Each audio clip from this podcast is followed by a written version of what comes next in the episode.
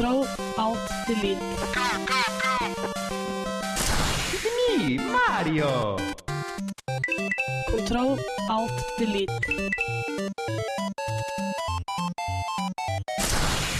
Unable to comply.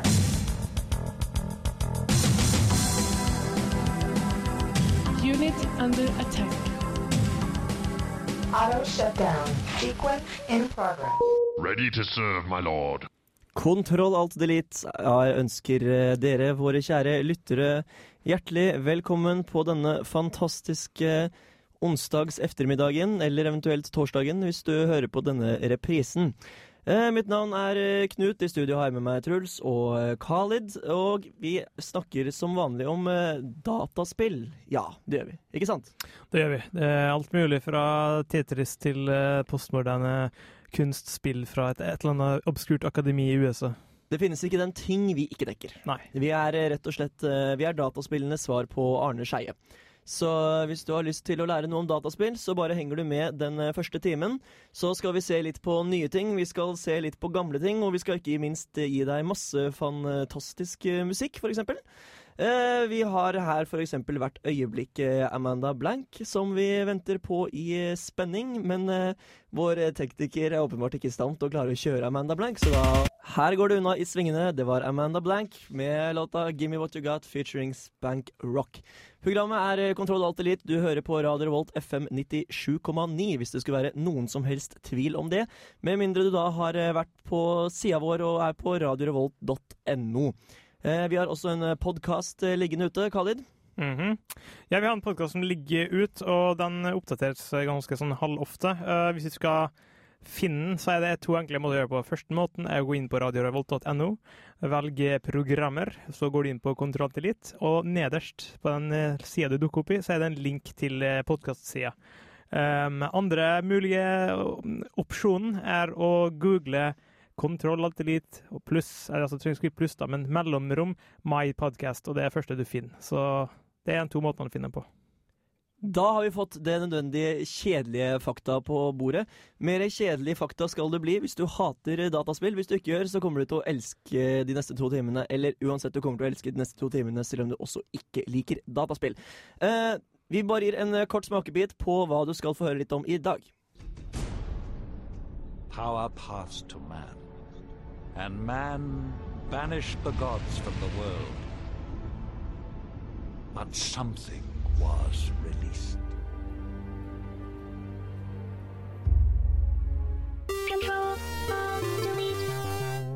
Du drar frem sabelen din idet du reiser deg og kutter opp den siste mannen fra navle til hals i én eneste bevegelse. Blod renner ut av munnen hans, og innvollene faller på bakken. Han rykker til, segner om. Du tar opp kofferten han holdt i hånden, tråkker over liket og går ut av smuget. Oppdrag utført. Målet er som i alle andre spill å vinne, men hvordan du oppnår det, er avhengig av deg som person. Kanskje du har en smule sportsmanship i deg, og lar dine evner som sjåfør være den uttellende faktoren. Eller kanskje rett og slett er typen som foretrekker destruction derby. Uansett testosteronnivå, så finner alle sin plass i Death Rally.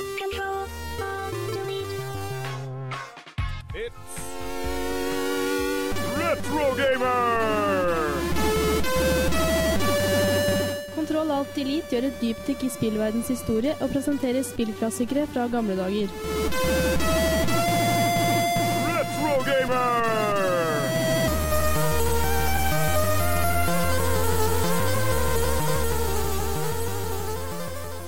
Da var det tid for å se litt igjen på gamle dataspill, men i dag så blir det på en måte å se litt på gamle dataspill med en ny vri, fordi at en av mine store, store favoritter fra barndomsår skal nå pusses opp og gjøres eh, kompatibelt for eh, datamaskiner som, ja, kanskje ikke er så kompatibelt med originalversjonen av dette spillet her. Eh, gode gamle Death Rally som Apogee ga ut på, ja, var det midten av 90-tallet en gang? Khalid, hjelp meg litt her da. Det var vel eh, noe sånt, jeg husker ikke akkurat den presise, årstallet, men jeg vil gjette rundt eh, 94, kanskje. Ja, noe i den duren. Men altså, eh, Khalid, nå skal vi omsider bli glade dager for deg og meg, for vi er jo veldig glad i dette spillet begge to. Det stemmer. Vi har snakka mye om det før, og har jo måttet sett på det tidligere òg. Og det problemet med å spille er jo at hvis du laster ned i dag uh, Du får, får freeware-versjonen fra hjemmesiden til Remedy eller Apogee, og så, men hvis du skaffer det og installerer det, så vil du klare å kjøre det, men mest sannsynlig får du ikke lyd, eller får du lyd som hakker, eller får du grafikk som hakker. Og mm, det opplevde jeg sjøl som problem da jeg skulle eh, se på det i, i fjor, da. Så det, det er ikke helt uh, kompatibelt med dagens moderne datamaskiner. Men nå skal vi altså få en ny og forbedret utgave. Eh, hva kan vi vente oss? Eh, Ikke så veldig mye mer enn det som allerede var. Eh, Hvis du ikke vet hva Death Rally går ut på, så kan du eksempel søke det på YouTube og se hva det er. Det er rett og slett en veldig, veldig billig idé, egentlig. Du kjører et uh, Ok, men det, men det, det, det, kommer vi snart tilbake igjen Det kommer vi tilbake til. Ja, men altså, vi, vi kan altså ikke forvente oss noen forbedring i grafikk eller lyd eller noe som helst. Det vil bli det samme om igjen. Altså, det vet vi ikke helt eh, 100 uh, by now, men eh, det kommer sikkert bli visse oppgraderinger. De må sikkert fikse visse bugs. Og, uh, hvis de er litt uh, glad i, så kanskje de oppgraderer grafikken og sånn litt. Men hovedsakelig så er det å få det til å gå. For at, uh, hvis du søker på forum, og sånn, så ser du at det er en levende diskusjon hvor folk prøver Altså, det, det, finnes prosjekt hvor eh, folk investerer halve livet sitt i å få det spillet til å fungere på dagens, dagens PC. Ja, og det er ikke helt uten grunn, fordi at Death Rally det er et fantastisk spill. Og vi tar og kjører eh, Khalids gamle gjenhør med det, bare for å se fram til dette fantastiske øyeblikket.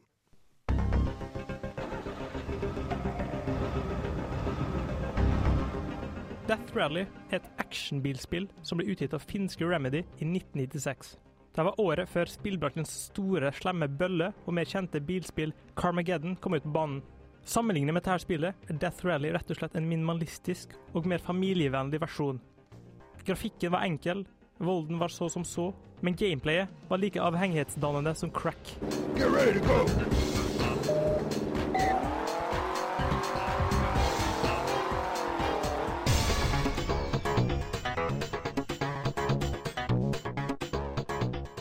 Din karriere starter ved at du velger en karakter og vanskelighetsgrad. Du kan henholdsvis velge mellom Speed Makes Me Dizzy, I Live to Ride og sist, men ikke minst I Got Petrol In My Veins. Spilleren får utdelt om lag 500 dollar og en bil med det lite smigrende navnet Vagabond. Men utover spillet får du tilgang til alt fra en pickup truck til en futuristisk bil henta fra den japanske animasjonsserien Speed Racer. Inntektene fra løpene kan du bruke til å kjøpe permanente oppgraderinger som forbedrer bilens fysiske egenskaper, slik som motorkraft, styring og utholdenhet. Og før hvert løp får du dessuten tilbud om kjøp kortvarige oppgraderinger. Og her er det rakettdrivstoff, miner og en støtfanger med pigger som står på menyen. Men det som kanskje er best av alt, er at du før hvert løp dessuten kan betale mekanikere for å sabotere en av motstanders biler.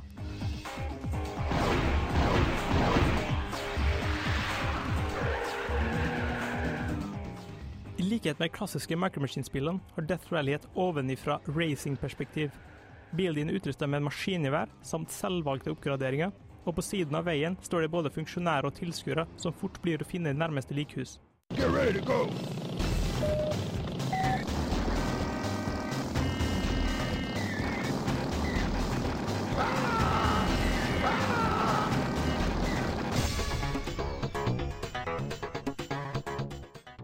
Får før hver runde velge mellom tre baner med variasjoner i vanskelighetsgrad, og kan velge om du vil konkurrere med eller uten våpen. Risikoen som våpen medfører, blir naturlig nok belønna ved at spilleren får bonusinntekter ved å enten ødelegge alle motstanderens biler, eller ved å vinne løpet uten å ha påført egen bil noen skader. The Cell of Death Rally har en rekke krediterte smådetaljer, er det spillets valgfrihet som gjør det så morsomt. Målet er som i alle andre spill å vinne, men hvordan du oppnår det, er avhengig av deg som person. Kanskje du har en smule sportsmanship i deg, og lar dine evner som sjåfør være den uttellende faktoren, eller kanskje rett og slett er typen som foretrekker destruction derby. Uansett testosteronnivå, så finner alle sin plass i Death Rally. You have made it through the road hell burgatory. Now you must face the demon king of the race. The adversary. Winner takes it all.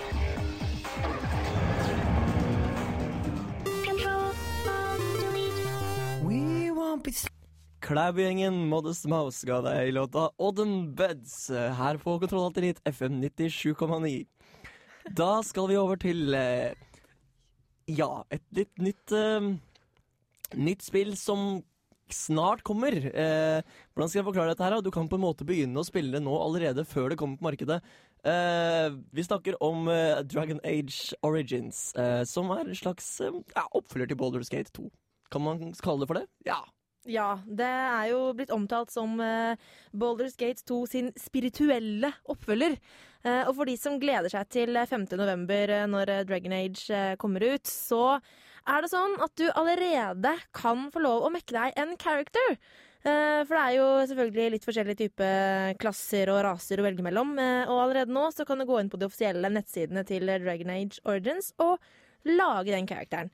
Og det som er fett, er at det er ikke bare en karakter du sånn mekker sammen for å se hvordan den fungerer, og så får du ikke bruk for den, men du kan faktisk få lov til å på en måte bruke denne karakteren videre. da. Det her er til PC, vel å merke.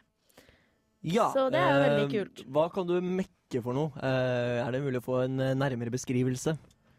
Ja, altså det blir mest sannsynlig altså, Hva går ut av Macking character? Det er ganske selv, selv, selvsigende. Altså, tidligere jeg forsøk på å gjøre noe sånt var Everquest 2, som eh, ga alle som for, forhåndsbestilte Everquest 2, fikk en CD med et program hvor de kunne mekke sin character. Altså det vil si at du lager utseende, eh, høyde, fysiske attributter. Eh, du går over til eh, altså stats, strength, agility, stamina osv. Og så til slutt så har de mest sannsynlig feats, som er et veldig eh, Dungeons and Dragons-system som de bruker i de fleste spillene sine. Og det er mest sannsynlig der du Altså, det er det det ligger i. Altså, greit nok, du Å designe karakterer med eller uten bart, det er liksom ikke det store spørsmålet, men det er heller det hvordan lager du den Uber-karakteren. Uh, veldig mange Dun Dungeons and Dragons-spillere er jo metagamere som er ute etter å tyne karakteren sin for alt den er verdt. Og ett poeng i fail stat kan føre deg føre til at du blir gud eller uh, gimp, for å bruke det fine gamerbegrepet. Ja, Khalid, har du planer om å lage deg en karakter, da?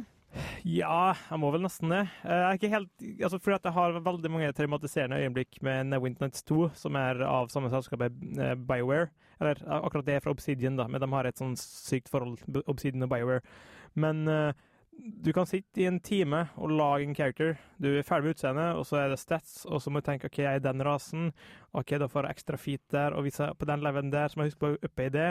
Og så må du gå gjennom sånne lange guider som viser hvordan du skal gå frem progresjon. Fucke opp ett poeng, så må du starte på nytt. og da er det sånn, ah. Så det, det er nesten som en matteeksamen å, å lage en sånn character. Så hvis du er metagamer, da. Hvis du bare spiller for korsens skyld og ikke bryr deg hvor god du er, så ja, det er bare sånn create random og spill. Det er ikke sikkert at det blir like omfattende i Dragon Age Origins, da. Nei, for det måtte altså å, å si at uh, Dragon Age Origins, en spirituell oppfølger til Baldur's Gate, er, uh, fungerer som en forklaring, men jeg tror nok eh, hardcore Baldur's Gate-fans vil uh, komme hjem til å tenne på TV-en din eller noe sånt, hvis du sier noe sånt. fordi at det er en spirituell oppfølger i at det er samme selskapet, og det er deres eget konstruerte univers i en større grad enn før. Men eh, eh, det, er- jeg tror nok det er en forenkla versjon. Det blir som Mass Effect. Jeg sier ikke at det blir Mass Effect, men Mass Effect er en sånn ekstrem perversjon, egentlig. En perversjon som er ment for massene. Og Dragon Age Origins blir nok en uh, litt besudla versjon av den opprinnelige formen. Jeg må si jeg liker din eh, arroganse, Khalid. Den er eh, helt ubetalelig. Eh, er det noe mer forrettugt vi skal eh, si om eh, Dragon Age Origins, eller skal vi bare se fram til eh, 15. november når det kommer? Vi, eh, vi sier at vi ser fram til 15. november. Jeg gidder egentlig ikke å bruke mer tid på dette her, men jeg tror det kan bli moro når den tida, når den tida kommer. Ja. Eh, vi kjører på med litt eh, mer musikk. Dette her er Sally Shapiro med den O oh, så herlige låta 'Miracle' på Radio Revolt FM 97,9, kontroll alt delete.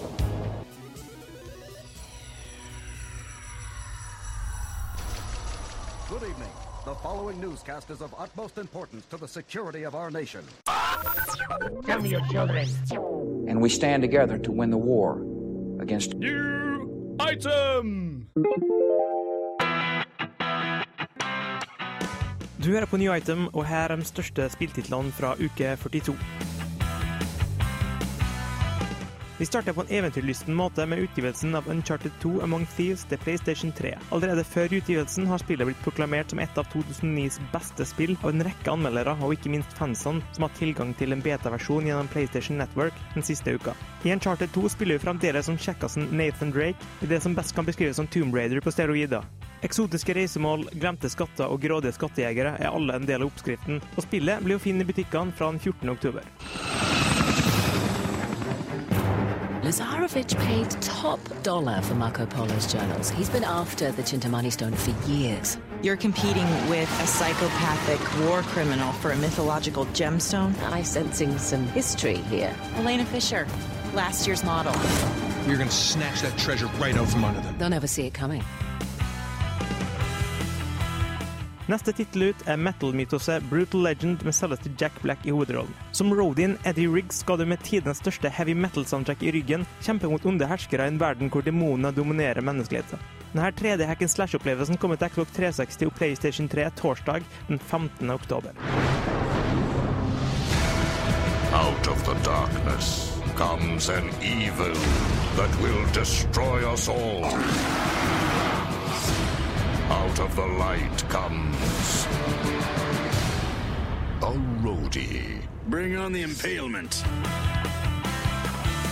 Sist, men ikke minst har vi oppfølgeren til Segas Mario Sonic the Olympic Games fra 2007, som til og med var det første offisielle OL-spillet til OL i Beijing. Denne gangen har de evige hvalene gått fra maraton og svømming til langrenn og slalåm. Hva man bør forvente av Mario Sonic the Olympic Winter Games i form av innhold og spillbarhet, er relativt åpenbart, og spillet kommer fredag den 16. oktober til både Nintendo Wii og DS.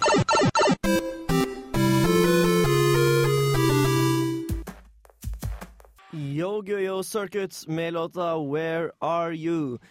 Vi har fått besøk her i Kontroll Alt Delete på Radio Revolt FM 97,9 av en eh, ja, vi kan kalle han gammel kjenning. Eh, Noen kjenner han kanskje som redaktør, andre kjenner han som magasinet. Han er en potet. Han kan brukes til fryktelig mye rart. Jeg er en potet. Du er en potet. Takk.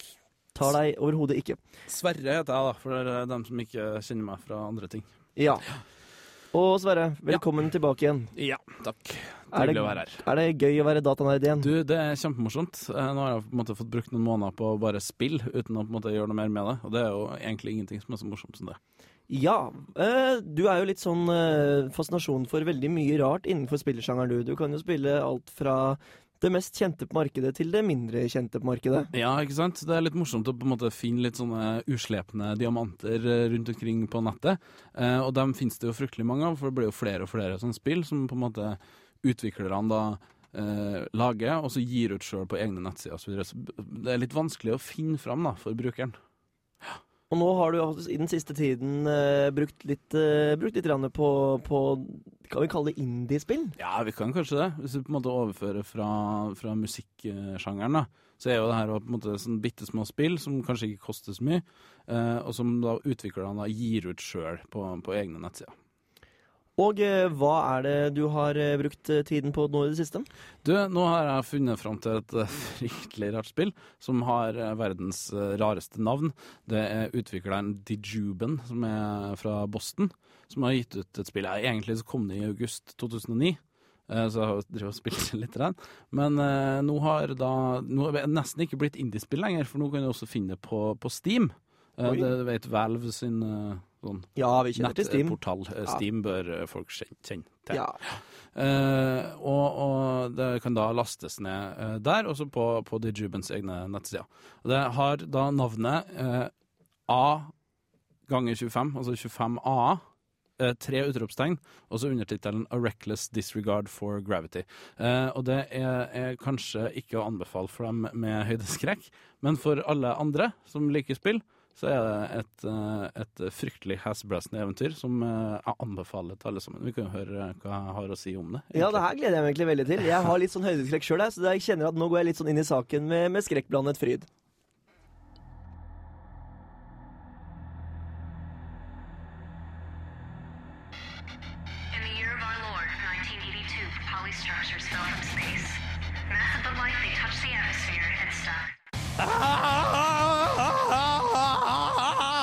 Reckless Disregard for Gravity, forkorta til AAAA, utropstegn, av innlysende grunner, er praktfullt i sin enkelhet og føles både moderne og nostalgisk på samme tid. I A eh, spiller du en eh, fallskjermhopper, eller en basehopper, som kaster seg ut fra toppen av flygende skyskrapere i et futuristisk Boston.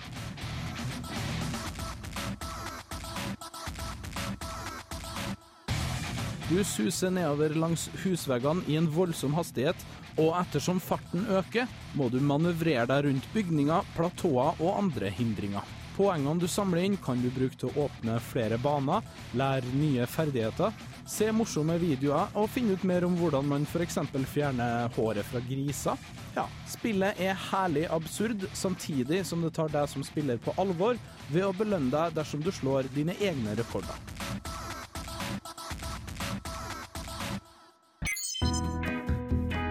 Er de mest fantastiske stuntene som gir mest poeng. Idet du suser forbi stålbjelker, vegger og platåer, så får du poeng i form av kisses. Sklir du langs veggene på de høye skyskraperne, mottar du det som kalles hugs. Bonuspoeng får du av å knuse svevende tallerkener, vinke til fans eller deise inn i intetanende fugler. Men pass på. Kommer du for nære veggene, kan du brekke beina, eller i verste fall smelle ned i en avsats og ende dine dager som en digital pannekake. Ah, er ikke feilfritt. Grafikken er enkel, men det er egentlig ikke så farlig.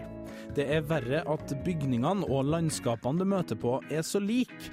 En større variasjon i farger og mønster kunne ha gitt de ulike banene den egenarten som de fortjener. Ettersom spillet heller ikke tilbyr egenproduksjon av baner, kan man også fort gå lei av den samme paletten, og dermed så flyter de ulike banene litt inn i hverandre. En enkel fargepalett til tross, konklusjonen må bli at A reckless disregard for gravity definitivt er verdt de ca. 80 kronene du må ut med. Et surrealistisk indiespill som fortjener massevis av ros for et nyskapende gameplay som holder på spilleren i time etter time. Ja, og om du lurer på hvordan du staver det her spillet, eh, det er 25 A-er etter hverandre, tre utropstegn, og så da selvfølgelig undertittelen A reckless disregard for gravity.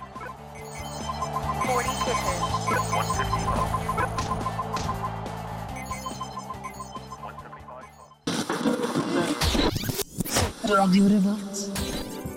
Sverre Torp Solberg var det der som hadde sett på spillet ah, Eller hvor mange are det var igjen. eh, A Reckless Disregard for Gravity. Her får du låta Island Is med Volcano Choir på Radio Revolt FM 97,9. Fremdeles kontroll alt delete.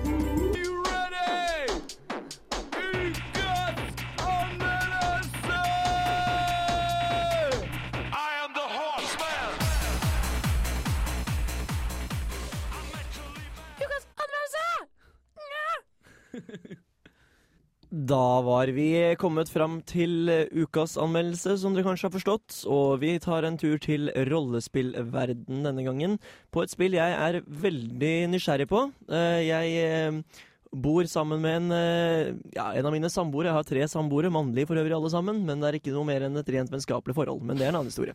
Når det er sagt, så stakk jeg gjennom rommet til han en dag, og han satt og spilte et spill som het Risen. Som så svært pent ut, og eh, vi sendte av gårde vårt eh, vårt etniske minoritetsalibi Khalid Asam til å se nærmere på dette fenomenet. Tyske Piranha Bytes er i all hovedsak kjent for sin Gothic-serie, som igjen er kjent for å være den største konkurrenten til Bethesdas The Elder Scrolls. Etter tre utgivelser i Gothic-serien bytter franchisen eiere, og dermed sto Piranha Bytes igjen uten en konkret merkevare å basere sitt neste spill på. Som et resultat av dette oppstod Risen til PC og Xbox 360. Et spill som enklest kan beskrives som en tredjepersons hardcore action-rollespill og en spirituell oppfølger til Gothic 3.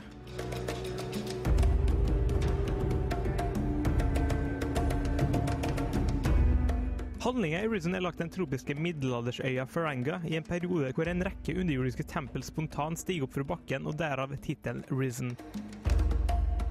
En lite inviterende gjeng, også kjent som Inkvisisjonen, har tatt kontrollen over de fleste av disse templene, og som spiller har vi en grunn til å tro at det er lederen deres som satte i gang det hele. Helten, som i bunn og grunn ikke har noe med det å gjøre, prøver i all hovedsak bare å overleve, men som vi vet, så har spill en tendens til å påføre helten en eller annen form for moralsk plikt. For longer than humanity remembers, the gods ruled. Humanity served as slaves, but life never remains in balance. Power passed to man, and man banished the gods from the world. But something was released. I likhet med Gothic er Risen et veldig usympatisk spill som aldri prøver å hjelpe spilleren gjennom sin evige reise gjennom skog og fjell. Nei, Piranha Bytes liker å kaste seg rett inn i et univers med minimal informasjon og veiledning. Så er det opp til deg å prøve å feile deg frem de første par timene, til du endelig begynner å forstå hvordan de grunnleggende mekanismene fungerer.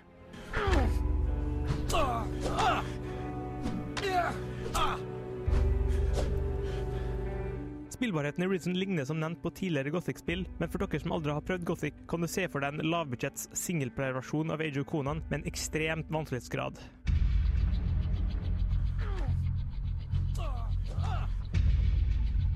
Rollespillelementene i Risen er hovedsakelig knyttet til karakterutvikling og quests. Du har ulike attributter og evner, og ved å drepe monster og fullføre quest, får du poeng som du sammen med gull kan bruke hos en trener for å gå opp i ulike evner. Min første time med Risen var fantastisk, og jeg tenkte konstant å gud, et sånt her spill har vi venta på i minst tre-fire år. Men desto mer jeg har spilt, desto mer blir jeg plaga av det jeg personlig oppfatter som konsekvenser av lavbudsjettsutvikling. Kampsystemet promoverer aktiv bruk av piltastene for å sidesteppe rundt fiender, men fysikkmotoren føler for seig og tung til å gjøre dette til en behagelig opplevelse. Dessuten finner man etter hvert ut at febrilsk sidestepping med et slag imellom er den enkleste strategien, og dermed har man valget mellom å spille realistisk og dø ganske ofte, eller å spille som en tulling.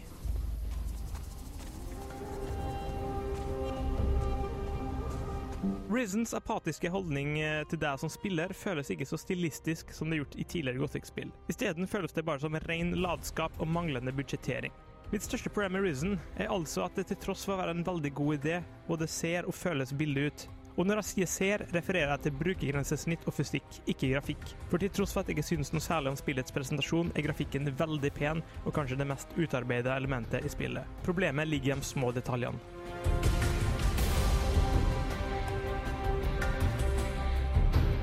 Du hører på Radio Revolt, studentradioen i Trondheim. I Still Drink Alone med The Cumshots. Uh, ikke helt uh, tilfelle. Jeg har tatt meg en uh, pils her i studio, og jeg er ikke alene. Adda badda.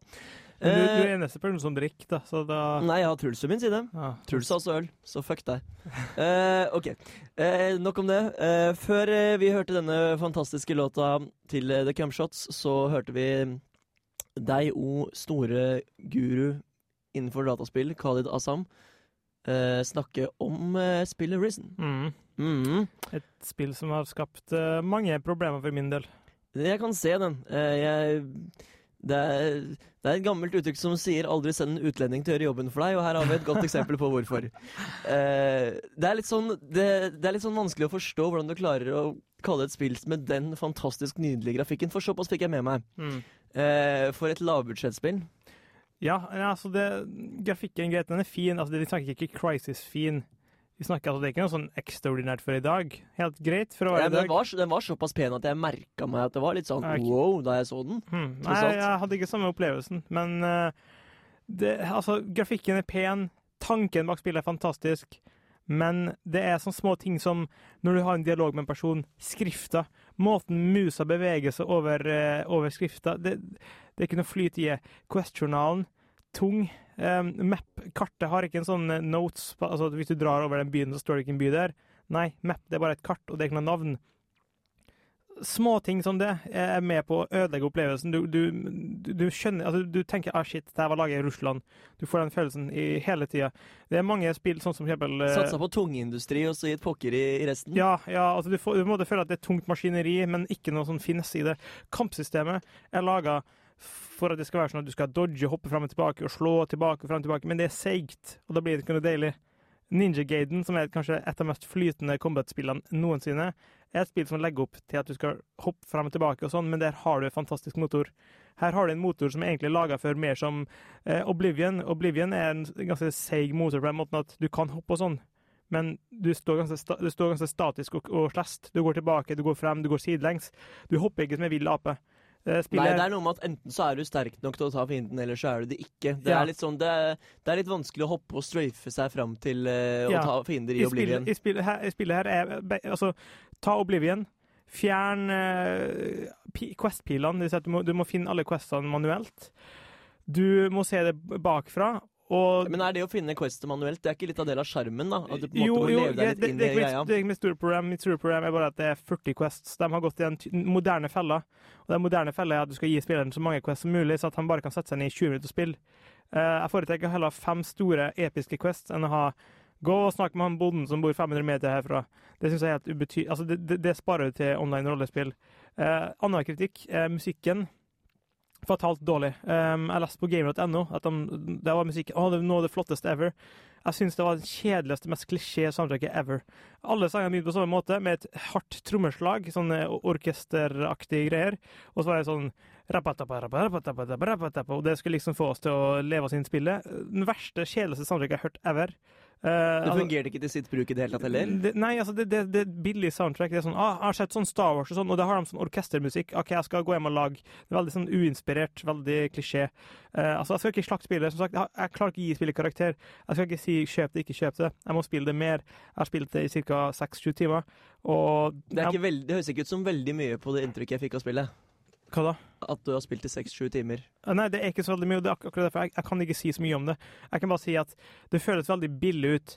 Uh, det er et sånt spill du må bli sjarmert av, og derfor så skal jeg spille det enda mer før jeg faktisk kommer med en eh, final verdict på akkurat det. Så det betyr at vi kommer til å få en oppfølger av uh, Khalids uh, Risen? Ja, jeg skal se om, om, om, det fremdeles er billig etter 20 timer, eller om det bare var jeg som var fordomsfull. OK. Om risen er billig etter 20 timer, om Khalid er fordomsfull, eller om Khalid er billig etter 20 timene, det får tiden vise. Dette er Gift of Gab.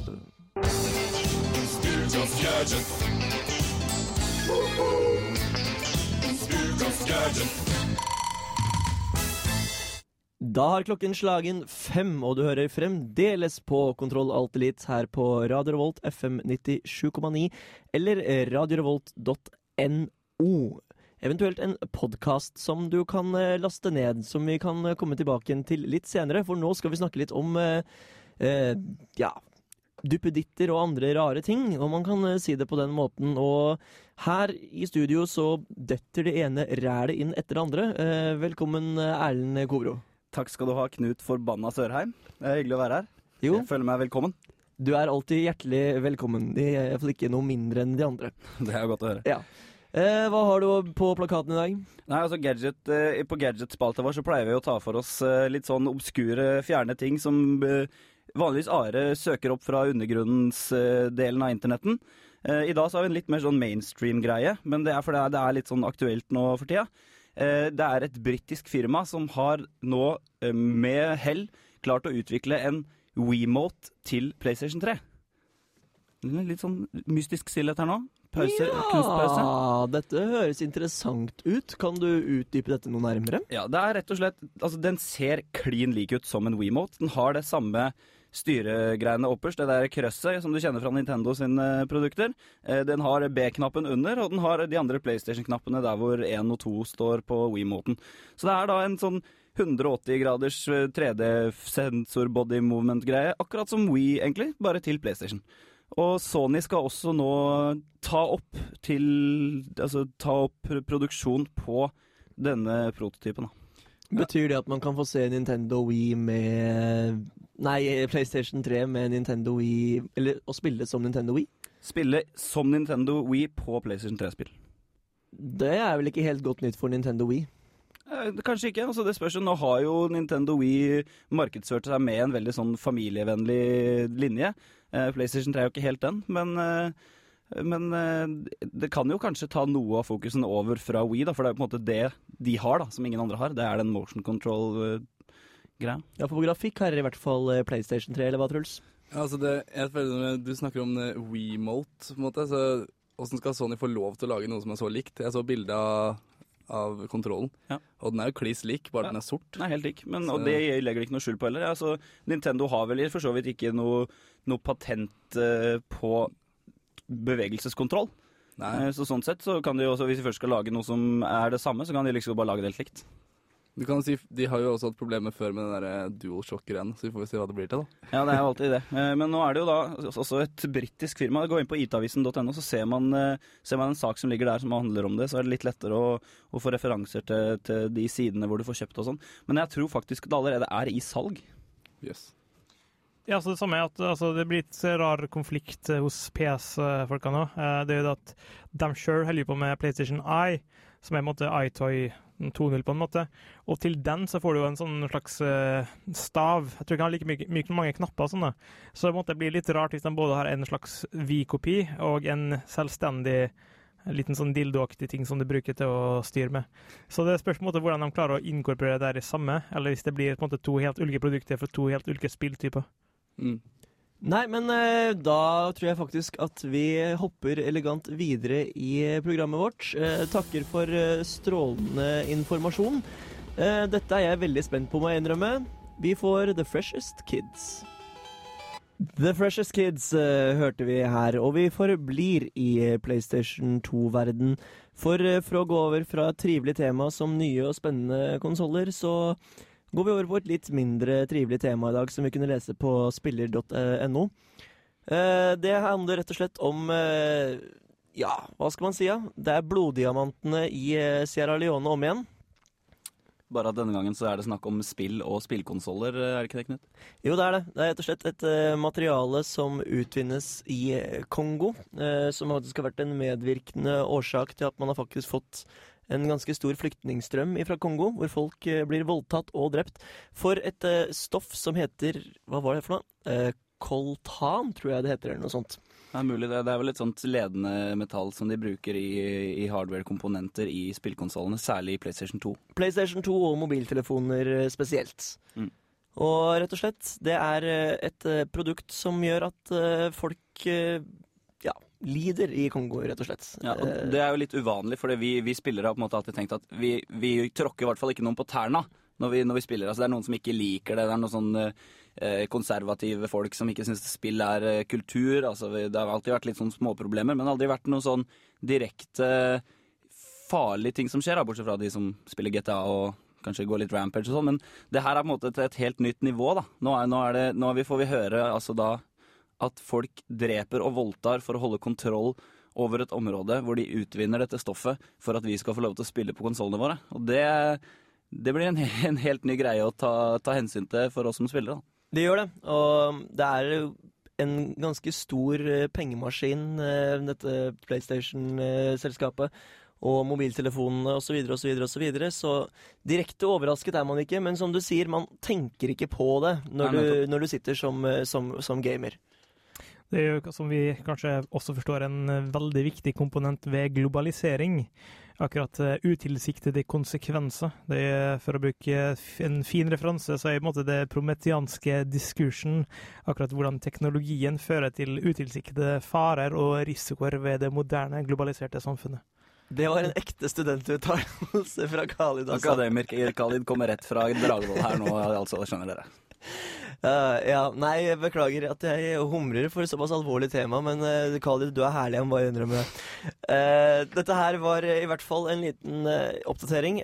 Det var også snakk om at man i Norge skal forsøke å få en slags ombudsmann til å se til at man ikke investerer i selskaper og kjøper av selskaper som da eh, tjener penger på andres eh, ja, blod, om man kan si det på den måten.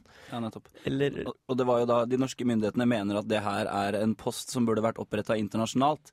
Eh, og da talsmenn for humanistorganisasjoner i Norge mener at Norge må gå foran som et eksempel og vise at eh, det, det begynner ikke før vi setter i gang, da. Vi må bare sette i gang, eh, gjøre en, en, en Sette inn en mann, en, en stilling, som kan sørge for at ting går riktig for seg i de her eh, de, de, handelen mellom disse bedriftene. Eh, og så vil da forhåpentligvis en internasjonal stilling opprettes som en ringvirkning, da. Ja, for det var så vidt jeg kan huske Kirkens Nødhjelp, tror jeg det var, som eh, Det gikk, i, eh, gikk i bresjen for eh, dette forslaget her. Som også da kritiserte regjeringen for manglende etikk. Og regjeringas manglende etikk den har fått, den har fått mye tyn for det der den senere tid. Men vi skal ikke gå inn på det, for det er ikke denne typen program. Vi snakker om dataspill, og det hadde jo vært kjempegøy om vi kunne spille data med kjempegod samvittighet. Eller hva synes egentlig folket? Jag får liksom ingen ordning, eh, hørte vi her med Lars Winnerbäck. Da skal vi over til eh, en eh, liten fiffig greie. For, for et par uker siden så ble vår anmelder Marte Hedenstad litt fuktig i dobbelt forstand etter en svømmetur med ja, eh, denne trivelige gjengen som vi jobber sammen her i eh, Kontroll Alt Elite. Hun fant ut etter litt å drikke at hun skulle sette hoppe ut i vannet. Eh, Noe som medførte at Marte Hedenstad ble litt våt og ikke fikk anmeldt spillet Wet. Ja, jeg vet det. Å, gud bedre så morsom jeg er. Men i hvert fall, eh, vi skal nå omsider få denne fantastiske anmeldelsen på spillet Wet. Som eh, har vært ganske hypa opp, og vi er litt nysgjerrige på hvordan det blir. Vi hørte litt på det forrige uke, men eh, vi tenkte at eh, vi skulle ta og kjøre det en gang til, for det var litt tekniske problemer. Se for deg at du står på et hustak og ser ned på en gruppe menn som står og prater i et smug. Snart skal alle dø. Er de kjeltringer? Ja, sikkert. Men er de dårlige mennesker? Du aner ikke. Og du bryr deg ikke heller. Alt du vet, er at en feit bunke sedler venter når oppdraget er utført. Du går frem til brannstigen, slenger deg utfor, drar frem to gønnere og fyrer løs mens du sklir ned stigen etter bena. Du når snart bunnen og slipper deg løs, ruller rundt idet treffer bakken, sklir bortover knærne mens du fyrer løs en ny runde. Blodet spruter, treffer deg i ansiktet, adrenalinet strømmer på. Du drar frem sabelen din idet du reiser deg og kutter opp den siste mannen fra navle til hals i én eneste bevegelse. Blod renner ut av munnen hans, og innvollene faller på bakken. Han rykker til, segner om. Du tar opp kofferten han holdt i hånden, tråkker over liket og går ut av smuget. Oppdrag utført. Here we go.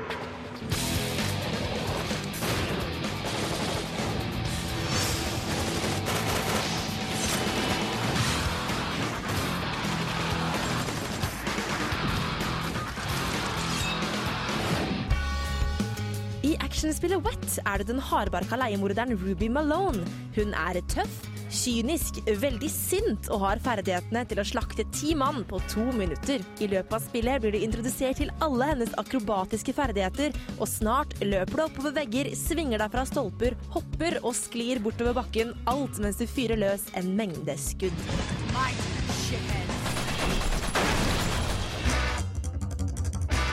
Historien i spillet trengs kun å nevnes med et par ord. Ruby er leiemorder, og hun gjør det hun blir betalt for. Det trenger ikke sies noe mer, for det er ikke handlingen som er viktig for å bli underholdt av Wet. Det er det herlige, blodsprutende gameplayet.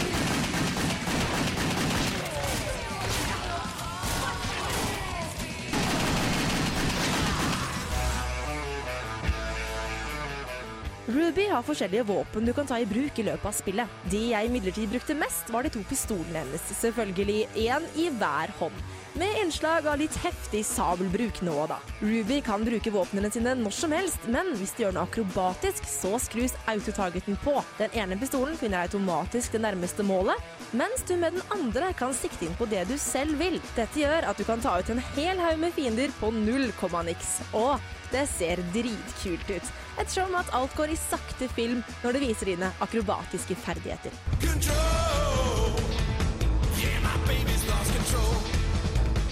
Et kult element i Wet er de forskjellige sekvensene spillet byr på. På Woody's junkyard får du trening i å bruke de forskjellige våpnene du har, samt sikteferdighetene dine. Disse sekvensene er helt OK, men de kuleste sekvensene i Wet er arenafightene som avslutter hvert brett. Her befinner du deg i et avlukket område, og du slipper ikke ut før du har drept alt som rører seg. Rubys kropp må selvfølgelig ta imot en hel rekke skudd, og du må utføre komboer og diverse akrobatiske sprell for å få poeng, sånn at du holder helsa oppe. Disse arenasekvensene er utrolig underholdende. Du må drepe vanvittig mange fiender, og for å holde deg i live, så må det se kult ut i tillegg. Velkommen til deilig action av første klasse. Det er så du nesten kjenner blodsmaken i munnen.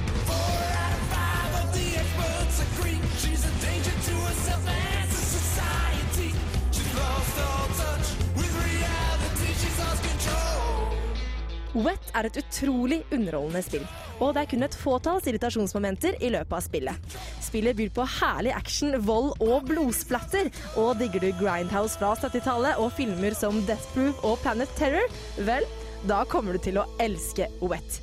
Løp og kjøp. Radio Revolt. Phoenix eh, ga oss låta 'Fences' her på Kontroll Alt Delete, eh, Radio Revolt FM 97,9 idet klokken er halv seks, eller noe helt annet hvis du hører på reprise eller podkast. Før denne fantastiske låta så hørte vi en eh, fantastisk anmeldelse. eh, Av eh, dataspillet Wet, som vår kjære, høye, fagre blondine Marte Hedenstad hadde sett på. Ja, ja, men sann. Ja jeg liker litt sånn plystring. Det er, fint. det. er Viktig, og, viktig å, å få fram eh, vårt eh, kjønnsfascistiske eh, ansikt. Eh, Marte Hedenstad, eh, du har eh, sett på dette fantastiske spillet, og du virker egentlig ganske imponert. Ja da. Eh, som, vi snakket jo om det forrige, forrige onsdag også. Eh, og da Men gode ting kan vi aldri snakke nok om, Marte. Nå må du lære deg det. Eh, For Wet er jo et kjempebra spill. Som jeg nevnte, så var det jo selvfølgelig noen ting som trekker ned, som for eksempel den der eh, Klikk på X nå, ellers så dør du under bossfighter og sånn. Eh, men utenom det så er det utrolig mye kult. Og musikken i spillet eh, er et veldig, veldig stort pluss. Det gjør at eh, du sitter og digger skikkelig mens du slakter eh, jævlig mange fiender på en gang. Det er veldig, veldig gøy. Og Men er spillet en blåkopi av en gjennomsnittlig Tarantino-film? Jeg får liksom litt sånn følelsen av det når jeg hører på.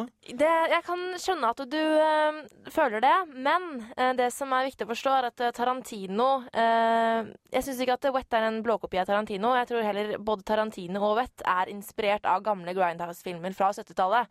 Eh, for det er jo en helt egen type filmsjanger eh, som oppsto sånn på 60-70-tallet. eh, med voldelige filmer og ja, alt mulig sånn rare ting. Så det er jo der inspirasjonen kommer fra, ikke Tarantino på den måten, da. Men, Og- men du, du, du, nevner, du nevner veldig mange positive ting med Wet. Det gjør jeg absolutt. Hva er det som er liksom det absolutte høydepunktet? Hvis du skal si ett stikkord, hvorfor gå og kjøpe Wet? Eh, hvorfor gå og kjøpe Wet? Eh, gå og kjøpe Wet fordi eh, du kan slakte ned eh, flere fiender på en gang mens mens det ser kult ut. Det er det som er poenget. For du, du, disse akrobatiske tingene da, som eh, på en måte egentlig er hele gameplayet i spillet, det gjør at du digger det så utrolig, da. For du kan, du kan ta ned tre-fire fiender på en gang. eh, mens det ser skikkelig fett ut i slow motion. Og det blir sånn at du tenker bare 'yes!' mens blodet spruter og du koser deg. Men altså Min erfaring med denne typen spill er at de kanskje har en tendens til å fort bli litt ensformige og litt repeterende. Ja, Går Wet i den fella? Nei, det er det de ikke gjør. Eh, fordi at du har så mange muligheter, da. Eh, Riktignok så er det en del ting som du kanskje liksom Ja, hver gang du skal skyte noen som er langt borte, så slenger du deg ned på, og, ned på knærne og slider, og du hopper når du skal skyte igjen til siden og sånn. Men likevel så er det utrolig mye kult du kan gjøre, da. Og du kan bruke masse forskjellige ting. Du kan slenge deg fra den stolpen, og du kan løpe på eh, en fiende og hoppe ta, bruke han som springfart for å hoppe videre og skyte en annen. Så det, er- det er veldig mye det er, det er veldig kreativt, rett og slett. Dreping på en kreativ måte. Det er et fint stikkord. Kreativ dreping akkompagnert av ei heit dame. Ja. Det høres ikke så forferdelig gærent ut. Det, Det gjør ikke det. Eh, har du en karakter å gi dette fantastiske spillet, Marte? Skal vi se, hva var det jeg ga det, da? Det, det var vel en M eh, med Var det pluss eller minus i parentes, da? M med pluss i Eh, ja. parentes? Ja, det var et eller annet sånt. Men det er i hvert fall meget godt til Wet, altså. Meget godt. Og for de som ikke helt har fått det med seg ennå, så bruker vi ungdomsskolekarakterene her i eh, Kontroll Alt Delete fordi at eh, vi syns at sånn tallkarakterer og sånn, det er noe modernistisk piss som vi helst ønsker å avstå fra. Det var altså Lemon Tree. Det var eh, deilig musikk der på Radio Revolt FM 97,9. Som dere kanskje hører, så er det en ny stemme som har tatt over programlederstillinga her. Vi har kasta ut Knut. Gamle skinnet der fortjener ikke å være her lenger. Han får for stygg i kjeften. Så vi, vi har rett og slett forunga hele Kontroll litt litt, og nå er det Erlend Kobro da som har tatt over Kontroll Alt Delete-programlederposten. Eh, Vi har snakka litt tidligere om eh, nye vinninger innafor eh, Battlenet, og det skal vi snakke litt mer om. Det er Truls har jo erfart både det gamle og det nye systemet. Marte Yes. Hedenstad også har masse bra info, så det er egentlig bare å fyre løs. Vi kan begynne med Truls. Du kan fortelle litt hva, hva var det med det gamle Battlenet som på en måte har, har gjort at det er en av de bedre mm, multiplayer online-ordningene som er. Jo, eh, jeg føler at det er, det er lett å bruke. Det er, jeg koser meg alltid litt inne på chatten der og hygge på Starcraft. Lett å finne kamper og spille og sånn. Ja, greit nok jeg har hatt problemer med det òg, men uh, det funker bra. Mm. Funka. Og, og nå har de altså laga et nytt konsept. De har revampa hele Battlenet. Og der, Marte, der er du professor. Ja, altså for det som er poenget da, er at eh, innen 11. november så er det sånn at eh, alle som eh, spiller eh, litt forskjellige spill som eh, Warcraft, eh, World of Warcraft og alt mulig sånn, må registrere seg på Battlenet. Eh, eh, og det er jo litt sånn der eh, det er noen uh, WoW-spillere som syns at dette her er veldig knotete og irriterende. da. Uh, og det som er litt sånn morsomt, da, er at pga. Uh, denne irritasjonen, så er det sånn at uh, alle som registrerer seg på Battlenet nå, av WoW-spillere altså, får en liten in game pet. En liten Nå. pengvin. Så det er veldig koselig. Eh, og det er, men altså, jeg skjønner egentlig ikke hvorfor folk uh, syns at dette er irriterende. For det er jo veldig mye kult uh, som du kan gjøre med det. Det er jo sånn at det skal bli litt sånn der chat med f.eks. folk på andre realms. Du kan se om en eller annen kompis av deg som spiller Starcraft, plutselig popper opp, og så Hei, kanskje jeg også skal spille det? Og så trenger du ikke gå ut i Windows for eksempel, og sånne ting for å, for å logge deg på. da. Så jeg syns det virker veldig interessant, egentlig. Ja, Vi har snakka litt om det faktisk tidligere òg. At det er veldig sånn så Du sitter, du, er, du spiller mye data. Du er en datanerd, sånn som vi er her i Kontant Litt. Du sitter og koser deg med en game Starcraft 2 når det har kommet ut. eh, Sitter og har det ordentlig trivelig. Eh, Så ser du da på ned på sida at eh, nå har Marte Hedenstad logga seg inn på World of Warcraft. Så tenker du yes, ja, kanskje jeg skal ta et lite instance sammen med Marte, da. Så kan du bare rett og slett gå rett fra Starcraft 2 over i World of Warcraft. Holde en chat gående, og det er veldig praktisk for eh, multispillere som er. Uh, altså, du påpeker at kan, altså, hva, er, hva er problemet med det? Hvorfor er det folk som misliker det? Mm. Så vil jeg måtte si at en ting er jo det at man har en rutine som går på at du, du starter et spill du skal spille, og så spiller du, og som oftest så hopper ikke så veldig mellom Blizzard-spill. Og sånn som Steam, for eksempel, en veldig treig klient. Når du starter opp Steam, så tar det litt tid, og vi skal spille på lenge, så skal den oppdatere seg, osv., osv. Og det, det kan måtte være en av protestene. Jo, uh, sånn som du sier det, at uh, jeg tror Battlenet kommer til å bli som Steam. Det var ikke jeg Jeg trodde ikke det. Jeg tror at du heller kan sånn som jeg, Nå er jeg jo med i Battlenet, men jeg kan fortsatt gå rett inn på WoW og velge mine to accounter, hvem av de jeg vil spille på, med en sånn liten scroll på sida. Ja, ja, for jeg, jeg tror på en måte du, du bare har én konto som du bruker Mm. på alle spillene dine, eh, og at du da får mulighet til å, å holde kontakt eh, på tvers av spill, men på innsida av Battlenet-accounten din. At friends og sånne ting eh, holder seg på en account som er felles for alle Blizzard-spill. Ja, og så er det jo litt for å gjøre det litt enklere, da. Fordi at Blizzard har veldig mange spill.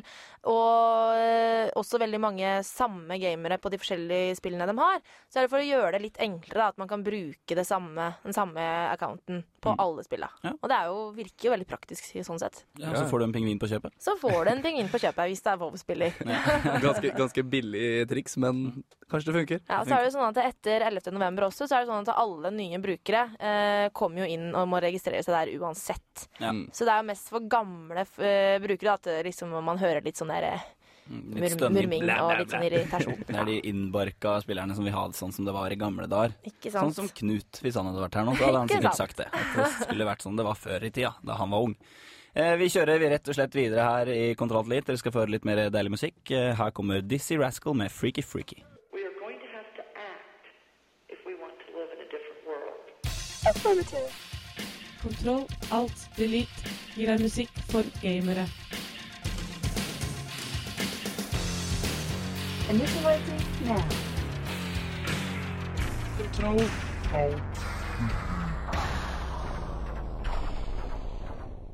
Ja, da er det tid for litt eh, spillmusikk igjen. Men eh, før den tid så eh, er det faktisk eh, folk der ute som eh, bryr seg om oss, og vi byr oss om dere. Og når dere sender oss en SMS til eh, kodeord RR2030, så får dere faktisk svar. Og Khalid, vi har faktisk eh, fått et svar. Dette her eh, kjenner jeg for meg at eh, kanskje noen andre enn meg skal eh, ta stilling til. Ja, det er litt vanskelig. Altså, det er en veldig attentativ lytter da, som faktisk har eh, påpekt at PS3-spill er ikke laga for, uh, for motion control, og at det kanskje bør spares til PS4. At hvis du slipper ut nå, så er det mm, eh, teknologi som ingen har bruk for. Og jeg, jeg, personlig jeg er jeg ikke noen PS3-fan, så jeg kan sikkert si meg enig. Men eh, ja, PS3-folkene er sikkert litt uenig. det som jeg også tenkte i, altså sånn umiddelbart da når jeg så det her produktet, så tenkte jeg at eh, hvis det kommer eh, et produkt, så kommer det antagelig spill også som gjør at dette produktet kom, kan brukes. Ja, godt poeng. Men fra det der til noe helt annet. Spillmusikk, som eh, jinglen eh, hevder. Uh, uka her så har jeg tatt fram noe som er uh, det første jeg har spilt da jeg ble tatt med i, radio, i Kontroll til av spillmusikk. Uh, det er en fantastisk låt fra en, en remake av Bjarne Commando som kom i, i fjor. Simon Wiklund, svensk jævel, som har remixa veldig heftig, og sangen heter Heat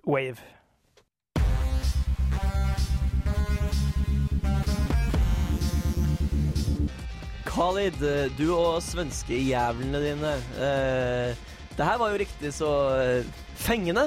Veldig. Det er opprinnelig fra en av tidenes største eh, musikkguru innenfor eh, Commodore-konsollen.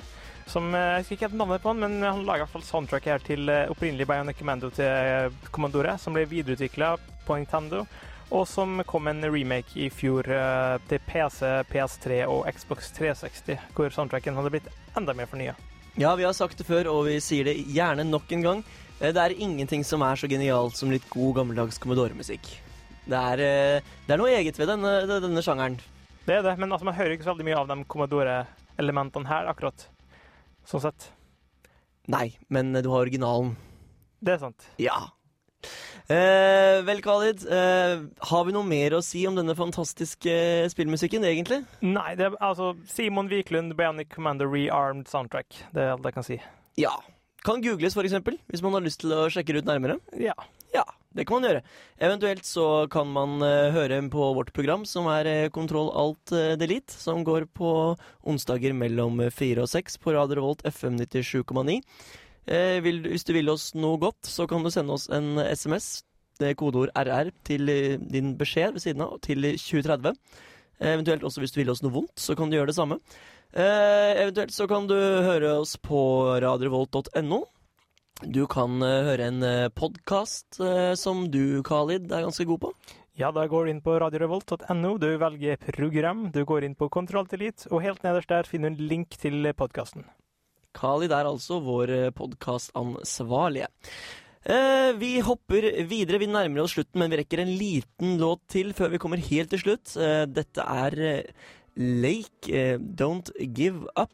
Og eh, ja, etter oss så er jeg ikke helt sikker på hva som skjer, fordi at vi går jo både live og i reprise, men det er sikkert fint. That was wonderful. Bravo! I loved that. Oh, it was great. Well, it was pretty good. Well, it wasn't bad. Well, there were parts of it that weren't very good, It though. could have been a lot better. I didn't really like it. It was pretty terrible. It was bad. It was awful. It was terrible. Get him away! Hey, boo! Boo! What are you gonna do?